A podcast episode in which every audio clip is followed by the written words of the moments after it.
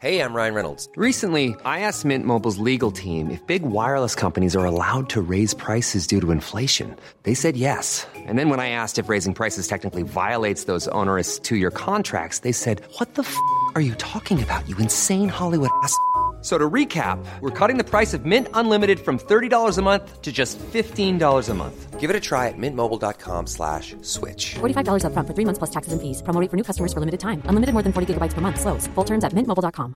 Hiring for your small business? If you're not looking for professionals on LinkedIn, you're looking in the wrong place. That's like looking for your car keys in a fish tank. LinkedIn helps you hire professionals you can't find anywhere else, even those who aren't actively searching for a new job but might be open to the perfect role. In a given month, over 70% of LinkedIn users don't even visit other leading job sites. So start looking in the right place. With LinkedIn, you can hire professionals like a professional. Post your free job on linkedin.com/people slash people today.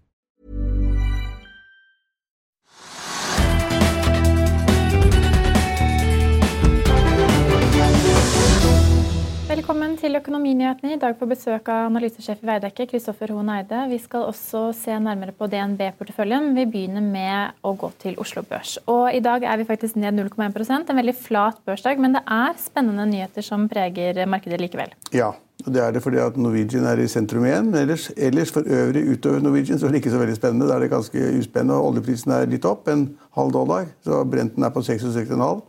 Men var ikke oljeprisen nesten nede rett under 65 dollar på fredag, da? Før vi fikk denne riggetellingen fra USA? Jo, jo, den var lavere på fredag, og så den gikk litt opp i helgen. og så falt den litt tilbake igjen, og så har den gått en halv dollar i dag. Men det er så små sprang at det betyr ikke noe særlig for selskapene, annet enn at Equinor den er litt ned, og Aker BP er litt opp. Så det er oljeprisen. Så, Men hvis vi hvis vi ser litt nærmere på hva som skjer i oljeprisen, så kom det jo en riggtelling fra Baker Hughes på fredag som viste tredje uken på rad med nedgang i antall aktive rigger i USA. I tillegg så har jo energiministeren i Saudi-Arabia vært ute i helgen og sagt at de forventer å, å ikke, kutt, nei, ikke eh, fjerne kutt før muligens i juni, og ikke i april, som noen trodde kanskje de kunne komme til å signalisere. Jeg vet ikke, jeg vet ikke, det kan jeg ikke detaljene på, men de kan ikke kutte kuttene. De må følge det opplegget de har sammen med Russland. Ja, men de kommer ikke til å endre Hvor de skal før regulere, juni. skal regulere tilbudssiden, og det har virket. Prisen har gått sakte, men sikkert opp, og så har det kommet av det mange andre elementer. Men det er ikke noe nytt i løpet av helgen. Det er, oljeprisen er litt opp, og det kan tenkes at man da altså, Det er jo ingen som tror det at eh, OPEC skulle gå vekk fra den kuttplanen sin og den avtalen de har med alle de andre OPEC-landene. Det tror jeg ikke noe på. Men det er, det er oljen er ikke en drivende Og Aker BP stiger vel Når vi ser på at eh, Equinor faller, men Aker BP stiger, så kan det jo ha noe med at eh, Sparebank1 Markets har jo tatt den inn i porteføljen sin over de aksjene de prefererer på Oslo Børs. Kan tenkes. Det vet jeg ikke om det er for små sprang for meg. så jeg, jeg, Det er ingen særlig oljedriver i markedet. Jeg, Du jeg, vil bare til Norwegian, du. Nei, nei, ja, men jeg kan liksom ikke si kan ikke si noe fornuftig om det. Om, om at, hvorfor Equinor synker litt, og hvorfor Aker BP stiger litt. Når det er snakk om en halv prosent eller en prosent, det blir for små marginer. Men det er helt riktig at hvis jeg skulle si at noe, noe har preget børsen i dag, så er det dessverre Norwegian. Som faller. Som faller, det var nede i 55 kroner, og det var da oppe i forrige uke på 63 kroner, som var den høyeste kursen i forbindelse med emisjonen. Det er ganske lang sprang da fra 63 kroner til 55, og så er den opp nå til 57 kroner. eller sånn nå. Og det, det er flere ting som kom i dag, faktisk. Det kom også trafikktall, men det kan vi ta etterpå. Men eh, den meldingen som da var alvorlig, var da det at eh, i denne flyulykken i Etiopia, så var det en Boeing 7, 737, Max heter det. Eh, Og der har de kinesiske myndighetene etter den ulykken så har de satt alle flyene i Kina, altså alle de kinesiske flyselskapene som har samme flytype, og ganske nye fly, de har satt alle flyene på bakken. Det samme har visstnok Indonesia også gjort. Og så- For dette er jo det samme fly som man hadde en dødelig ulykke i fjor høst. Indonesia, I Indonesia ja. Eh, Og, og, eh, og Indonesia skal også visstnok ha satt flyene på bakken hvis at luftfartsmyndighetene sier at man får ikke lov å fly flyene inntil man vet mer. Eh, Og da, Norwegian har da 14 fly som de flyr selv, og så har de leid ut tre eller fire fly i markedet på sånne leasingkontrakter. Og hvis da det skulle komme at Boeing-fabrikken skulle sende da en eh, ordre eller melding om at alle flyene må settes på bakken inntil man vet mer, så vil det ramme da såpass mange fly for Norwegian at det vil gå utover flytrafikken, inntektene og marginen og nettoresultatet. Så det er en veldig alvorlig sak. Og det syns markedet var kjempeille, og sendte da kursen da ned fra den over liksom 60 kroner til da 55, og så har det fått kommet litt opp igjen. Og Vi vet ennå ikke hva som kommer til å skje. og Hvis det virkelig kommer, og hvis man tror at den ulykken da, som var i fjor, i høst, sen høstes, er lik den som man kommer med nå, og hvis man da finner ut i løpet av kort tid at det er en sammenfall av tilfeldigheter eller sammenfall av materielle feil, så, så kan det være veldig alvorlig for Boeing, selvfølgelig. Og kursen på Boeing-selskapet har også falt ganske mye. Eh, Og også da er det ille for Norwegian, så det er, ja, det er ikke bra. Så det er den ene tingen, den ene tingen, det er negativt. Ja, og så kan vi også si at hvis, eh, Grunnen til at det er negativt, er for det kan jo gi direkte utslag i bestilling av billetter. Um, og de kan Ja, jo ha problemer med å lease ut fly av denne typen. Ja, de Det ligger i at de da har de fire flyene som er Ja. lyst ut. Men at, og det blir bare spekulasjoner. altså Hvis passasjerene nå skulle bli redde for å bestille fly, flybilletter med Norwegian nå har de Eller an- med de, fly, de Ja, flyrutene som Det skal opereres av en ganske mye til at Ola Nordmann ringer opp og sier jeg skal til NIS eller til København. Hvilket fly av typen Norwegian går, og så er det da er Boeing 737 Max. Da flyr jeg ikke. Men hvis det er da de langdistanseflyene, så flyr. Det skal mye til. Men jeg har sett at noen meglere har spekulert. Det syns jeg er ganske syltynt. Ja, jeg har faktisk en morsom historie om 737. Jeg var faktisk på en fest som varte ut i de lange nattetimene med en eh, person i Norwegian og en pilot i Norwegian. Og da mente Nå i helgen? Nei, det er en stund siden. Men da mente denne eh, personen som sitter i en høyere stilling i Norwegian at han kunne lande en 737 i blinde. Og da var piloten ganske uenig men at det skulle man ha ganske mye trening for å gjøre. Så, Men det tror jeg kanskje man kan, for de kan jo lande, lande automatisk. Da, men du må jo stille dem automatisk. Ja. Men jeg vet ikke om jeg hadde stolt på at du skulle lande den Jo, jo, 737-en jeg satt i. det hadde gått helt utmerket. Nei, men nå har Det kommet, det er jo masse spekulasjoner, og det som er ille, disse spekulasjonene er ikke bra. For når, man sammenligner den ulykken som var der i fjor høst, med akkurat samme flytype, nesten like gammelt, altså så, nytt, så sier de at flyet da hadde plutselig begynt å operere ut fra auto, auto, autopilot, uten at noen hadde stilt den inn på det. Så plutselig begynt å fly på autopilot, og styrte flyet ned. Og så hadde ikke da flyverne kunnskaper nok, eller mannskapet hadde ikke da kunnskaper nok hvordan de skulle utløse, ta bort autopiloten og fly, fly da manuelt. Det er jo helt forferdelig. Så nå går det masse rare rykter om det, og sannsynligvis er det lite av det sant. Men det er ikke noe bra for Norwegian, det er ikke noe bra for Boeing. Og det er ikke bra for alle de selskapene, alle selskapene i Kina som da nå har fått forbud mot å fly da denne flytypen. Ja, Boeing har, har jo et kraftig fall i eh, altså på børsen. Ja, det har jeg sagt to ganger. Ja. Så Kraftig. ja. Ja, Men- men, men- men eh, så- så- gode, eller gode eller ille ting kan ikke gjentas for mange ganger. Men du nevnte trafikktallene. De har men før jeg kommer til trafikktallene, så har vi avsluttet det som skjedde i de ukene tidligere, nå vi har sett på emisjonen og prisingen av tegningsrettene osv. Det var en ganske interessant sak å se. Hvordan markedet da på en måte priser rettene helt ned på 15 kroner. Og på slutten så priser de rettene for å tegne aksjer til 30 kroner per aksje. Og den helt matematiske da, kursen på aksjen var da 33 kroner for aksjen og 30 kroner for retten, og det var da 63 kroner. Så nå kom tallene for hvor mange som ikke benyttet seg av tegningsrettene sine. Hvor mange dumme folk det er ute i markedet der som ikke benyttet rettene. Og det, det, det var visstnok da retter for 34 millioner kroner. Altså da små aksjonærer store aksjonærer som ikke følger med, som ikke vet hva som foregår. Og som ikke skjønte at de måtte da bruke rettene sine da innen midten av forrige uke. Og etter en tid så var, det da, var, det, var det verdiløse. Etter onsdag, fra Ja. onsdag til fredag. Ja, da var det verdiløse. Og hvem som helst kunne da bruke rettene sine og tegne aksjer i emisjonen for at selskapet skulle ha en 3 milliarder kroner. Og det fikk de. Men så var det altså da, da 98% som da brukte rettene sine, og noe gjorde de ikke. Og det synes jeg, det er alltid noen som ikke følger med, eller de er gamle, eller de er arvet, eller de er eller hva det måtte være. Så det er alltid noe, men, men jeg synes det er rart at folk da lar 34 millioner kroner gå rett i do. Ja. Og så vet vi også hva Bjørn Kjos og nærstående sitter med nå som man får utsettelsen av de nye aksjene. Ja, det tror jeg er 16-17-18 18,5 Ja, og de er betydelig nedgang. De hadde noen av 20. 24% eller. Ja. Så de er utvannet, og, og, men de bestemmer fortsatt akkurat mye, like mye som før. Ja, og så, Så har vi den må vi ha trafikktallene. Ja. fordi Norwegian fraktet, fraktet 2,5 millioner passasjerer i februar, og det er da altså opp 8% sammenlignet med februar i fjor. Ja, altså Norwegian øker hele tiden produksjonen, for de øker antall fly, setter inn nye fly, de har nye ruter øh, og nye, flere avganger. slik at øh, produksjonen øker hele tiden. Normalt har det ligget mellom 10-12-13% en økning hver eneste måned. Nå var det litt lavere, men det som er viktig nå, det er at Norwegian da faktisk gjør det de har sagt de skal gjøre. Nemlig å ikke løpe etter da å blåse opp produksjonen sin, dvs. Si nye ruter og nye fly hele tiden. Men vær forsiktig, de, de, de har ikke så opptatt, ikke så vært opptatt av å fylle flyene som å tjene penger. Så de har gått på marginene og ikke fylt flyene like mye, men tjener mer penger enn de gjorde før. Og Det har de sagt de skulle gjøre, og det gjør de nå, ifølge de tallene som det kom i dag. Ja, Gilden var vel på 32 øre mot 31 øre i samme periode i fjor, men kabinfaktoren falt. Ja, fordi Med de fyll- 2,8 det er ikke opp- før var til de- 81,5 Ja, for Før var de helt ekstreme på de skulle flyene. Kanskje fordi de liker da å selge ting om bord eller får ekstra inntekter. eller hva vet jeg. Så ofte kan man tenke seg at det er veldig viktig å fylle flyene. Hvis du får solgt så mange fl- vinflasker eller bager eller kulepenner eller hva du måtte ønske å kjøpe om bord på flyet. Men nå sier de at nå er ikke noe jag etter å fylle flyene eller å få enda flere ruter. Nå skal vi tjene penger. Ja. Og det bør de gjøre. Og så mente jeg at jeg leste noe sånn som at 99,3% av de flyene som skulle gå, gikk, men at det var 81,5% som gikk på tiden. Resten var vel kanskje av jeg, jeg vil tro at de fleste flyene går. Altså, det veldig, skal veldig mye til at flyene ikke Men det går. var sånn ca. 18-19% av flyene som var forsinket, da. Ja, og det, men det er liksom hvor mange, hvor, mange minutter var det forsinket, og det har ikke peiling. Men at noen fly er forsinket, det vet vi alle vi Ja, som og reiser jeg har fløyet med Norwegian som gikk før tiden.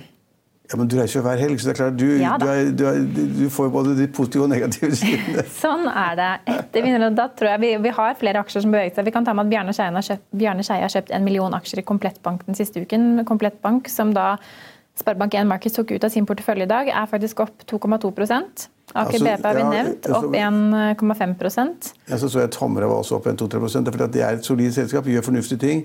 Har gode marginer på det de driver. Sånn, så det er sikkert noen som swapper fra litt usikkert ol- oljeservice eller rigger eller hva det måtte være. Litt tradere som da går over i mer faste ting. Og så en annen ting jeg merker meg, det er at Hydro er, på, sånn litt, litt fallende. Det har jeg sagt lenge. Eh, og den kursen, Hydro-kursen ligger på 33 kroner. og den vil ikke bli overrasket om den kursen faller ned på 20-tallet. Nei, og så har vi også Eidsvik Offshore som stiger etter at det blir tildelt en kontrakt fra Aker BP. En treårig rammeavtale for uh, Viking Lady. Opp eh, 11% Avilco Drilling faller 2 etter å ha gjennomført en rettet emisjon på 174 Og vinneren millioner. er Vinneren er EMGS.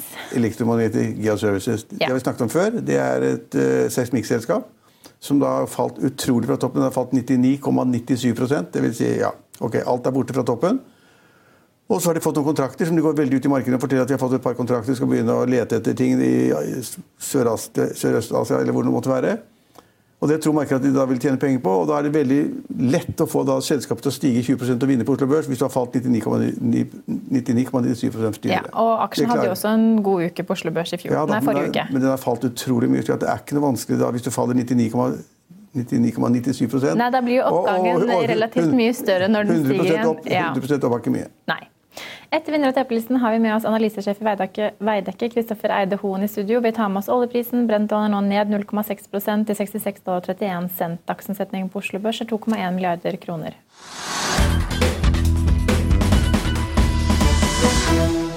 Vi er tilbake og fått med oss analysesjef i Veidekke Kristoffer Eide Hoen i studio. Velkommen til oss. Dere i Veidekke er ute med en ny konjunkturrapport i dag. Eh, Hva kan dere fortelle oss om de store linjene? De store linjene vi ser, er vel eh, først og fremst drister drifter vi oss til å mene at det fortsatt er et godt bygg- og anleggsmarked eh, fremover. Eh, Selv om vi nå da ser en, en noe nedgang, noe flatere i de markedene som vi, vi opererer i, som er eh, bolig og, og bygg og anlegg i, i Skandinavia. Eh, Og, og noe av bakteppet er jo den kraftige oppgangen som vi har, eh, har bak oss. Men bolig, altså, boligmarkedet vil jo bli svakere, for det er veldig mye boliger i markedet. Mye bygges ut.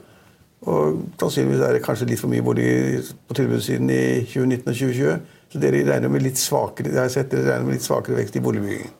Ja, på mange måter så var jo eh, du det dramatikken i boligmarkedet var jo når vi satt her for et år siden og, og snakket om det samme. For da hadde vi et ganske sterkt eh, salgsnedgang fra rekordårene i 2016 og, og 2017.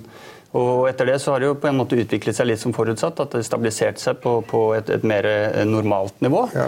Eh, Men det er klart at den, den salgsnedgangen vi hadde i, i, i fjor, den reflekterer seg nå i, i at det er færre boliger som er igangsatt, og, og dermed kommer det lavere entreprenørproduksjon. Eh, nå er dette på en måte det segmentet som gikk mest opp eh, i Ja, åra ja, jeg forut. skjønner, men Holder dere igjen? Altså Har dere lagt noen prosjekter i skuffen, eller liksom kjører dere på med planene om å bygge nye boliger? Jeg tror Veidekke er tro mot uh, sine gener, holdt jeg på å si. Og det er jo, Gener? Ja, det sine gener, da. Som er å, på en måte ikke gi full gass når markedet gir full gass, men, men ha eh, en, en stødig okay. tilnærming til det. Så det Det betyr f.eks. Å, å ikke sette i gang boliger før vi har solgt eh, halvparten Nei, av boligene. det, det, for- det, er ingen, men det er det ingen som gjør. Alle, alle, alle selger 50 før de setter i gang. Ja, det, det kan vel være noe variasjoner i det, okay. men, men vi har en høy salgsgrad. Eh, Den var på 80 for et år siden, og den er fortsatt på, på 80 spørsmål, så det mitt spørsmål var litt mer det som fremgår av rapporten din, at det, det ser ut som dere holder litt igjen på boligsiden, for dere regner med at markedet blir litt svakere, og tilbudssiden er ganske stor. ja, Det er på en måte en varslet utvikling. så, så Veidekke har vært opptatt av å dreie annet porteføljen mer mot, eh, mot yrkesbyggsiden og, og bygge opp entreprenørreserve på, på det segmentet som vi fortsatt ser at, eh, at går godt. da. Men hvor mye har det som skjer utenfor altså internasjonal økonomi å si for hva, vi, hva dere ser skjer i bygg- og anleggsmarkedet? Eh, den, den, viktigste faktoren er jo selvfølgelig rentene. Eh, sist vi var her, så var det jo snakk om at de skulle opp. Eh, ikke minst annerledes av USA. Så har det jo vært, Donald har vært ute og, og, på mange måter snakket det der litt ned. Ja, vi jo, ser jo at det forventes langt færre rentehevinger fra Fed, om ikke en opps, opps, altså oppbremsing. Og vi vet jo også at ECB var ute og snakket om rente sist uke med et vesentlig mer negativt syn enn vi har hørt tidligere. Og nå mm. mener også mange at Norges Bank må følge det som skjer der ute og, og holde igjen på renteoppgangen, de også. Ja. Vi ser eh, Markedsrenten i Norge har jo også på en måte svart på det som eh, har skjedd i USA, og tapt seg noe siden vi, vi satte, og, eller gjorde rapporten vår i høst. Og, og, Det betyr jo at vi kanskje kan forvente færre renteøkninger og et lavere toppnivå enn det vi tidligere forventet. Og All erfaring fra vår næring betyr jo egentlig at lave renter er liksom den viktigste faktoren for Mother's Day is around the corner. Find the perfect gift for the mom in your life with a stunning piece of jewelry from Blue Nile. From timeless pearls to dazzling gemstones, Blue Nile has something she'll adore. Need it fast? Most items can ship overnight. Plus, enjoy guaranteed free shipping and returns. Don't miss our special Mother's Day deals. Save big on the season's most beautiful trends. For a limited time, get up to 50% off by going to BlueNile.com. That's BlueNile.com. I'll see you in court. Vi sier det ofte litt på spøk, men for deg som driver business, er det aldri moro å innse at du ikke har laget en 100% gyldig kontrakt. Du bør ikke risikere hele firmaet ditt fordi du synes dette med kontrakter er litt stress. En avtale er ikke en avtale. Du kan miste kunder, miste venner, ja, til og med miste inntekter om du ikke lager en skikkelig kontrakt, på alt mulig, egentlig. Men vi vet det er et styr, kopimaskiner, tregprinter og haugevis av papir. Dessuten stoler vi jo på folk her i landet. Det er ofte litt kleint å skulle be om en signatur for alt mulig, ja, for mye av styret handler også om jakten på underskriften. Det finnes en enkel måte å løse dette på, Dukkobit, en trygg, effektiv og get this, gratis måte å sikre seg en god natts søvn pluss en juridisk bindende avtale. Dukkobit-appen har de strengeste sikkerhetskrav i bunn, samt en EU-godkjent og sertifisert teknologi. Framover vil det bli behagelig å spørre du, skal vi skrive under på det, eller? Kom i gang på dukkobit.no. For den eh, viktigste drivkraften i det markedet. Ja. Men, men, men, men dere, har, dere, har, to ben. altså Bygger den ene siden, altså boliger den ene siden, og anlegger den andre. Eh, ja, det, det, er en enkel eh, ja, i hovedsak. Ja, ja, Det er slik den står i rapporten din, så det, var, det er ikke så enkel. Det er bolig, og så er det anlegg. Og så står det der, så vidt jeg kunne lese det, så står det at dere er litt misfornøyd med regjeringen eller Stortinget, som da ikke bygger så mye på anleggssiden som de egentlig har sagt de skulle gjøre. For det ligger etter da bl.a. Nasjonal transportplan. Så, ja, det er, liten kritikk av at det ikke er nok å gjøre på anleggssiden, eller hva?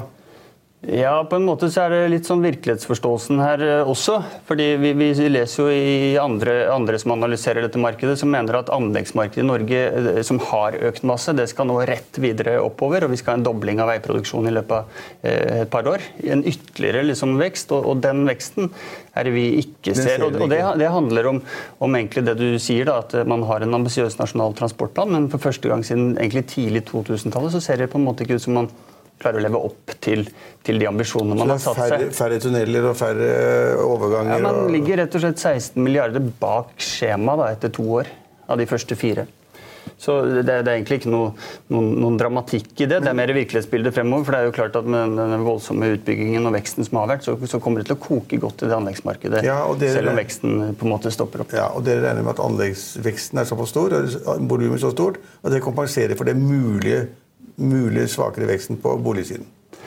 Ja, det kan du si, så er det ikke sånn at vi kan flytte fra det ene sektoren til den andre uten videre. for det er jo litt... Bare ta den der dampervalsen og flytte den rundt i hjørnet? Eller entreprenøren, eller sivilingeniøren, eller byggingeniøren. Det er ganske spissede sektorer vi snakker om her. Hjullaster heter det. Kan flytte hjullasteren rundt i hjørnet? Ja, akkurat hjullasteren er det mulig du kan, kan anvende i begge, begge områder. Men, men, det er klart at først og fremst så, så går, er jo vår påstand at dette går bra fordi markedet har vokst så mye at det nesten var i ferd med å bli et større problem. At det hadde vokst så kraftig på på få år. Vi så entreprisekostnadene nesten gikk kraftigere og, og skviset oss fra nedsiden. enn ja, ja, ja, ja, du mener at leverandørene var, leverandørene var tøffere mot dere? Ja. priser tøffere og tok marginer fra dere? En helt naturlig konsekvens i et marked som, som etter hvert kanskje manglet kapasitet Ja. og, og tilgjengelige eh, folk. Da. Men- Særlig i Oslo Østlandet og i, i Stockholm. Så nå blir det litt slappere, slik at dere får bedre marginer og leverandørene får dårligere marginer? Jeg, jeg tror vi kommer til å operere i et, et bedre marked fremover på byggsiden og på, på boligsiden, med, med bedre tilgang på kompetanse gjennom hele verdikjeden. eh, Og, og bedre leveranser og effektivitet. Det, jeg drister meg til den påstanden. Men jeg leser også ut av rapporten at produksjonen i næringen har jo da økt 40% de siste årene. og Det betyr at du mener at markedet er godt rustet for en eventuell nedgang? Ja, altså Den normale oppfatningen øh, er jo at alle sånne kurver må vokse. Og Derfor så merker vi jo at redaksjonene biter seg merke at nå har vi noen fallende prosenter her. Men, men øh, jeg tror det er en god påstand at, øh, at vi hadde hatt et større problem hvis dette hadde vokst videre, enn når vi nå får en utflating og, og noe nedgang. Det er ikke noe fall, det er jo veksten som er lavere. Ja, det er faktisk, vi, vi spår en 3% fall i 2019 da, hvis det absolutt skal ha i, i, i bolig eller anlegg. Ja, det er på, på totalmarkedet, Totalen. men det er jo mest på boligsiden at det Ja. nå går ned. Totalen 3 ned. Vi er jo veldig interessert i bolig. Eh, Det yeah. skandinaviske boligmarkedet sier du, eller kaller dere, mer edruelig. Men jeg regner med at det er noen forskjeller mellom hvordan det utvikler seg i Sverige, Danmark og Norge. Hva, hva er de største regionale forskjellene akkurat nå? Eh, Hvordan skal vi svare på det? Eh, Nyboligmarkedet, da, for å ta, ta det, så, så har vi jo tydelig sett et Stockholmsmarked som måtte ha ledet an i konjunktursykkelen her. Først på vei opp med en voldsom vekst, eh, og, og også på en måte først møtte litt veggen, da, eh, som du var inne på, med en høy tilbudsside etter hvert av usolgte mm, prosjektleiligheter, for så vidt i produksjon. da. Eh, og så etter hvert etterfulgt av et Oslo- og østlandsmarked, hvor også på en måte var mer, eh, en høyere tilbudsside etter hvert av, av leiligheter som var, har vært usolgt. Eh, og så har dette stabilisert seg i, i noen grad. Eh, I Stockholm så ser vi jo nå at uh, usolgtgraden er på vei ned igjen. Eh, mens andre deler av, landet, som Vestlandet, eh, Sydvest, Trondheim, eh, Göteborg, er fortsatt på en måte på en, en stigende kurve her og, og følger senere i konjunkturforløpet. Da. Så det, det er først og fremst i Stockholm og her på Østlandet hvor det har vokst mest, at vi nå ser for oss at det demper seg noe, og antagelig til det bedre. da. Mm. Men du sier også at markedet for nye boliger i Norge er normalt godt, men at konkurransen er mye hardere, eller tøffere, Ja, mellom de som bygger nytt. Skal vi prøve å forklare det, så er det jo nettopp at vi må forholde oss til en ny situasjon der, der det ikke er om å gjøre å få flest mulig leiligheter ut for salg lenger. Det er mye mer å velge i for kjøperne. Eh, som jeg var inne på, Det er en ganske høy tilbudsside, om, om heldigvis stabilisert. Eh, det er klart at det gir en helt annet konkurransebilde. Men, men vi ser jo også at når vi treffer på en måte med pris, med beliggenhet og, og, og de tingene um, Ref f.eks. Middeltunet, som dere kanskje har, har lest om. Middeltunsgade. Middeltuns Det, ja. så- Det er Trygve vurderer jo å kjøpe den dyreste leiligheten. da kan du få leilighet til 95 millioner hvis du vil. Ja, den er fortsatt tilgjengelig. Trygve, jeg trodde du skulle kjøpe den leiligheten. Jeg Ble ikke vi enige om det når du snakket så mye om den leiligheten at du har vel snakket den ned et par millioner? Jeg har sikkert snakket ned 10 millioner, eller sånn, og det, det tror jeg nok, men, men, men eh, vi syns det er morsomt. Det er, altså, jo én, én leilighet på toppen i et kjempekompleks. Mm -hmm. også nå skal ut med et par nye blokker til, etter at de solgte veldig mye i den første. Så det er jo det mer kuri... det er- Der, I dette prosjektet så fant vi jo nærmest ut at vi hadde satt prisen for lavt. eh, Og Ja, at de som har vært tidlig inn, har egentlig vært eh, på en måte vinnerne på kjøpersiden der. Ja, ja, prisene har vel- ikke for den toppen, har vel for den er økt? utsolgt. Nei, du får kjøpe før den også skrus opp. Så 95 millioner, var det ikke det du skulle ha? Jo, jeg mener det var eh, listeprisen per i dag. ja. sette ned til 60. Men som du sier, prisene er vel økt nå Ja, det- nå snakker vi om Middeltunet, det er Ja, ja, et spesielt prosjekt. Ja, jeg på vet mange det, men altså på men nyboligprisene mer generelt eh, Tar du i Sverige, så har jo et, et av problemene vært at de har vært på en litt nedadgående trend de siste åra. Eh, i, Men i alle Norge, så- boligutbyggere vi har hatt i studio, har jo sagt at de overhodet ikke vurderer å sette ned prisen. Nei, men ser du de selv på Norge, så ser vi faktisk ikke det. Merkelig nok, det er litt overraskende. I, i de bransjetallene som lages på det her, så, så ser det ut som dette er relativt stabilt. og Peker det i noen retning, så er det heller opp enn en ned. Da. Så det Ja, er, alt, er jo, alt blir jo solgt til linje i Norge fortsatt, iallfall i Oslo. Alt blir jo solgt. Det er ikke, ja, Men det er om ikke i samme hastighet som ja, tidligere, men du kan ikke gå rundt og peke på at det står tusenvis av leier ledig. Det er ikke mulig å finne. nei, nei vi må skille litt mellom hva som er i produksjon og, Ja. og ferdigstilte. Ja, ja, For det er riktig som du sier, det er veldig lite ferdigstilte boliger som står ledige. Alt blir solgt. Det er ganske sunn balanse for tiden. Det er liksom bra tilbud og bra etterspørsel. Det, Det blir solgt. Det er et veldig godt poeng, det der. for Vi leser jo mye drama om, om det, la oss si det generelle boligmarkedet, bruktboligmarkedet eh, om dagen. Eh, fordi vi ikke har de prisene vi hadde. Men, men eh, tar du en annen kreditttilgang, så, så, er det jo at vi, vi, på en måte har mer stabile priser nå. Vi har mer stabil gjeldsvekst, vi har høyt transaksjonsvolum og, og, på en måte en, en, en høy tilbudsside. Dette er ting som vi ønsket oss, ja, i hvert fall som samfunnsøkonomer, for, for, et par år siden. Ja, bra balanse. Så, så bruktbolig er nok men, men, veldig bra. Men, altså Produksjon av nye boliger er bra, men kanskje litt lavere enn før. Eller kanskje blir litt lavere i 2019-2020. Ja, det må vi tro. Ja, og så Anleggsmarkedet er, kunne vært bedre, sier du. Men, eh, men altså, stort sett så har det nok å gjøre på alle områder. Ja, Som vi opplever nå, så har vi jo økt ordrereserven med 10% siden sist vi var her. Og, og, egentlig en, en, veldig god kundeinngang. Så det er, det er, det er god kjørefart. Nå husker jeg ikke regnskapstallene, men uh, har marginene gått ned? Tjener de Det som er eh, å si om det, er at 2018 var et krevende år for, for Veidekke, ja. med, med, en stor nedskrivning i, i juni. Mm. Så, så, det er på en måte kanskje ikke noe år vi, vi husker resultatmessig på, så, som et gledens år. Men dette var, dette var, knyttet til konkrete prosjekter på ja, en anleggsside. Da falt jo aksjekursen også, gjorde den ikke det, Line? jo, nå har jeg ikke aksjekursen foran meg, men det vil jeg tro. Vi, er nok omtrent der vi var eh, for et år siden. Ja. Så markedet har tatt godt imot måte budskapene rundt, rundt, dette. Det blir jo gjentatt disse rekordårene 2016 og 2017 for da markedet og nye boliger i Norge. Når, hva skal skje for at vi kommer tilbake til sånne rekordår?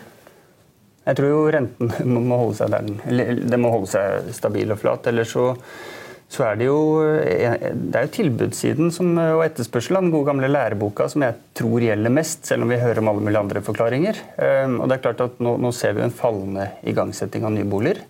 Eh, som jo lett kan bety at det blir færre nye boliger inn i markedet om, om en to-tre år. Men, det er klart at i en sånn situasjon jo, jo, Det er veldig, det er et veldig viktig poeng. for Det er, det er noen makroøkonomer da, som vi tror på, ikke tror på dem, som sier det at det vil bli såpass mye færre boliger på tilbudssiden at vi får et boligpress oppover i 2020 og 2021. At det, da kan vi oppleve dårlige tilstander igjen for at prisene vil stige for mye. Sånn som i 2016, hvor da boligprisen i Oslo steg med bare 23 På ja. landsbasis 12 ja. Vi kommer ikke, dit kommer vi ikke, det er, helt, det er jeg sikker på. Men det er klart noen makroøkonomer er usikre på om på en måte det bygges for lite, og at problemet kommer i slutten av 2020 og i 2021.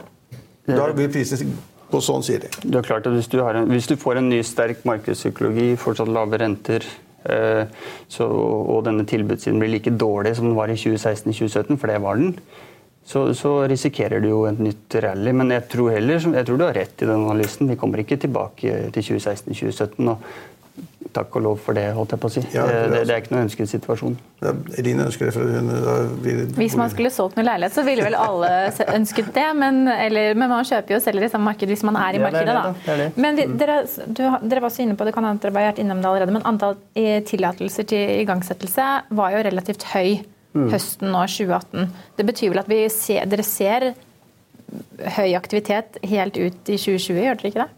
På bakgrunn av de tallene? Jo, altså, først så kommer salget, og så kommer igangsettingen, og så kommer produksjonen liksom sist ut i tidsforløpet her. Da. Så nå har vi hatt nedgang i salget, vi har nedgang i igangsettingen, og nå, nå, faller på en måte produksjonen gjennom 20, 2019 særlig. Da. Eh, så føler vi ser for oss at dette flater ut igjen i 2020. Men hvis du skal oppsummere rapporten deres med Er dere positive, negative eller uh, mer avmålte? I fremtidsutsiktene? Siden jeg får de å velge mellom, så tror jeg jeg velger å være positiv. Vi har et bedre boligmarked enn på, på lenge. Det kommer til å, å, smitte over på et nyboligmarked også og gjøre det bra der. Og så har vi høy fart i de andre segmentene, både på, på anleggssiden og yrkesbyggsiden. Som, eh, så jeg velger å svare positivt. Selv om det sikkert er regioner som kan få det tøft. Men, men et, et, lite poeng er det som noen snakker om, og det er det at det har vært for lett i boligmarkedet. slik at man, bygger man, man selger for liksom 80 eller 90 eller 100 000 per kvadratmeter, og så bygger man for 30 eller 40 000. Gevinstmarginen for utbyggerne har vært for stor. Det kan jo få markedet til å gå litt ned, da. Ja, Det er sikkert vært noe å gå på der hos, eh, hos enkelte utbyggere. Det, sånn grå, røffelig sett, Hva koster det liksom, per kvadratmeter å bygge en bolig i Oslo? 40 000? Ja, det, det, er vel et tall som Litt avhengig av hvem du spør, hva slags segment ja, det er i. Jeg jo deg. Jo, jo, men jeg bare sier at det, her er det variasjoner. Etter ja. hva slags type du har, da, så, så varierer kanskje mellom 30 og 40 000. 40 000. Og på enkelte prosjekter så blir vi jo utfordret på, på å gjøre enda lavere, sånn som for, for Obos og på Ulven, som, som, ønsker en annen profil på, på leilighetene sine. Ja, men så er det da noen prosjekter som selges hvor da prisen per kvadratmeter kvadratmeter er 200 000. Ja vel. Ja. Ja, ja, ikke de jeg ser på, men Ikke jeg ser på heller, Trygve. Men det er klart at hvis du får 200 000 i markedet per kvadratmeter, og du bygger for 30-40, så Ja, da, marginene veldig da blir det, de pengene havner jo et eller annet sted. Og de pengene vil ofte havne da de som da har gjort det, de setter i nye prosjekter og større prosjekter. For da skal de kanskje gjøre det en gang til. Hva vet jeg. Ja, men det er klart På tomtesiden så er det mye penger ute og, og, og går her. Det, er- eller, altså, det, er, det, er, mye penger ute og går innenfor eh, eiendomssektoren. Ja, altså jeg, eh, Så- jeg, bare, jeg, jeg bor oppe, ikke så langt unna her, oppe i hø- her. Og da hørte jeg da i helgen at det var noen som hadde kjøpt noen tomter like bak meg. eller Ikke helt oppi, da. Altså, litt unna. Og de, de satte sammen tre-fire villaer som skulle rive, og så skulle de da bygge nye boliger. Og der satte de prisene til de regnet med å få da 200 000 per kvadratmeter. Du verden. Ja, ære være dem, og Ja, håper de lykkes med det. det, det høres- Sånn er det når man bor oppe i Ullernåsen. Da, da Ja, ja, ja, flyr trillionene. Hvis de får til det, er det ganske fantastisk. da. Ja, Men det det- betyr også at det burde på en måte da bli tøffere konkurranse, slik at de marginene gikk litt ned. Det Ja, men det, Dette høres jo ut som et veldig eksklusivt Ja, og ja, unntaksvis segment. da. Jeg tror ikke de tallene du nevner, er, er gjengs i, Nei, i det var 16 leiligheter, så jeg tror det er ikke jevnt. Det tror ikke jeg heller. Det er ikke der vi ligger. Jeg ville anslått det halve, halve og nedover. Og hvilke, hvis du skal bare pinpointe de som kommer til å få det verst Du sa det kommer til å være regionale forskjeller og definitivt noen som kommer til å få det verre enn andre. Hva var de verste? Hvem er de verste? Hvor er det verst? Nei, altså, vi vi skal ikke si at det blir eh, ille i enkelte steder. Ehm, Det, det tror jeg er for eh, Men, men eh, det er nok noen markeder som har venta på en vekst og ønsket en vekst. Ta hele vestlandsbeltet, eh, som har eh, på en måte falt noe tilbake, ligget flatt over mange år med, med en høy kapasitet fra før. eh, Og hvor konkurransen har vært hard, som nok hadde ønsket seg en, en høyere veksttakt fremover enn det, enn det det ser ut til å bli. da.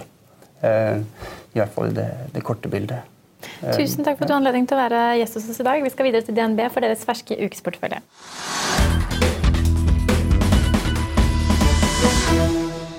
I i morgen kan du lese Trygve Hegnars leder om eh, angrepene på justisminister Tor Mikkel Wara, at analytiker Kristoffer Mo Drege mener at eh, risikoen i riggsektoren er overdrevet, og at for første gang på ti år falt bilsalget i verden i fjor. Vi er tilbake igjen i morgen klokken 15.30. Følg med oss igjen da.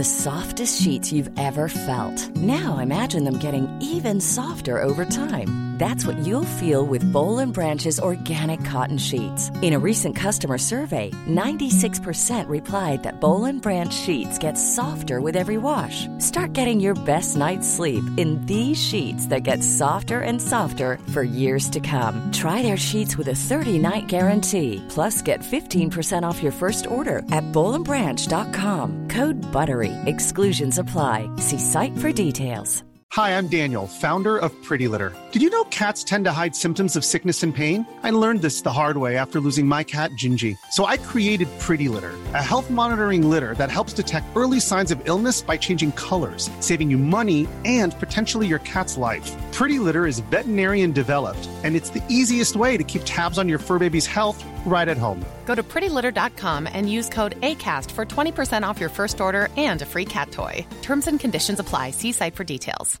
Even when we're on a budget, we still deserve nice things. Quince is a place to scoop up stunning high-end goods for 50 to 80% less than similar brands. They have buttery soft cashmere sweaters starting at $50, luxurious Italian leather bags, and so much more. Plus, Quince only works with factories that use safe, ethical, and responsible manufacturing. Get the high-end goods you'll love without the high price tag with Quince. Go to quince.com slash style for free shipping and 365-day returns. Økonominyhetene er en podkast fra Finansavisen. Programledere er Marius Lorentzen, Stein Ove Haugen og Benedikte Storm Bamvik.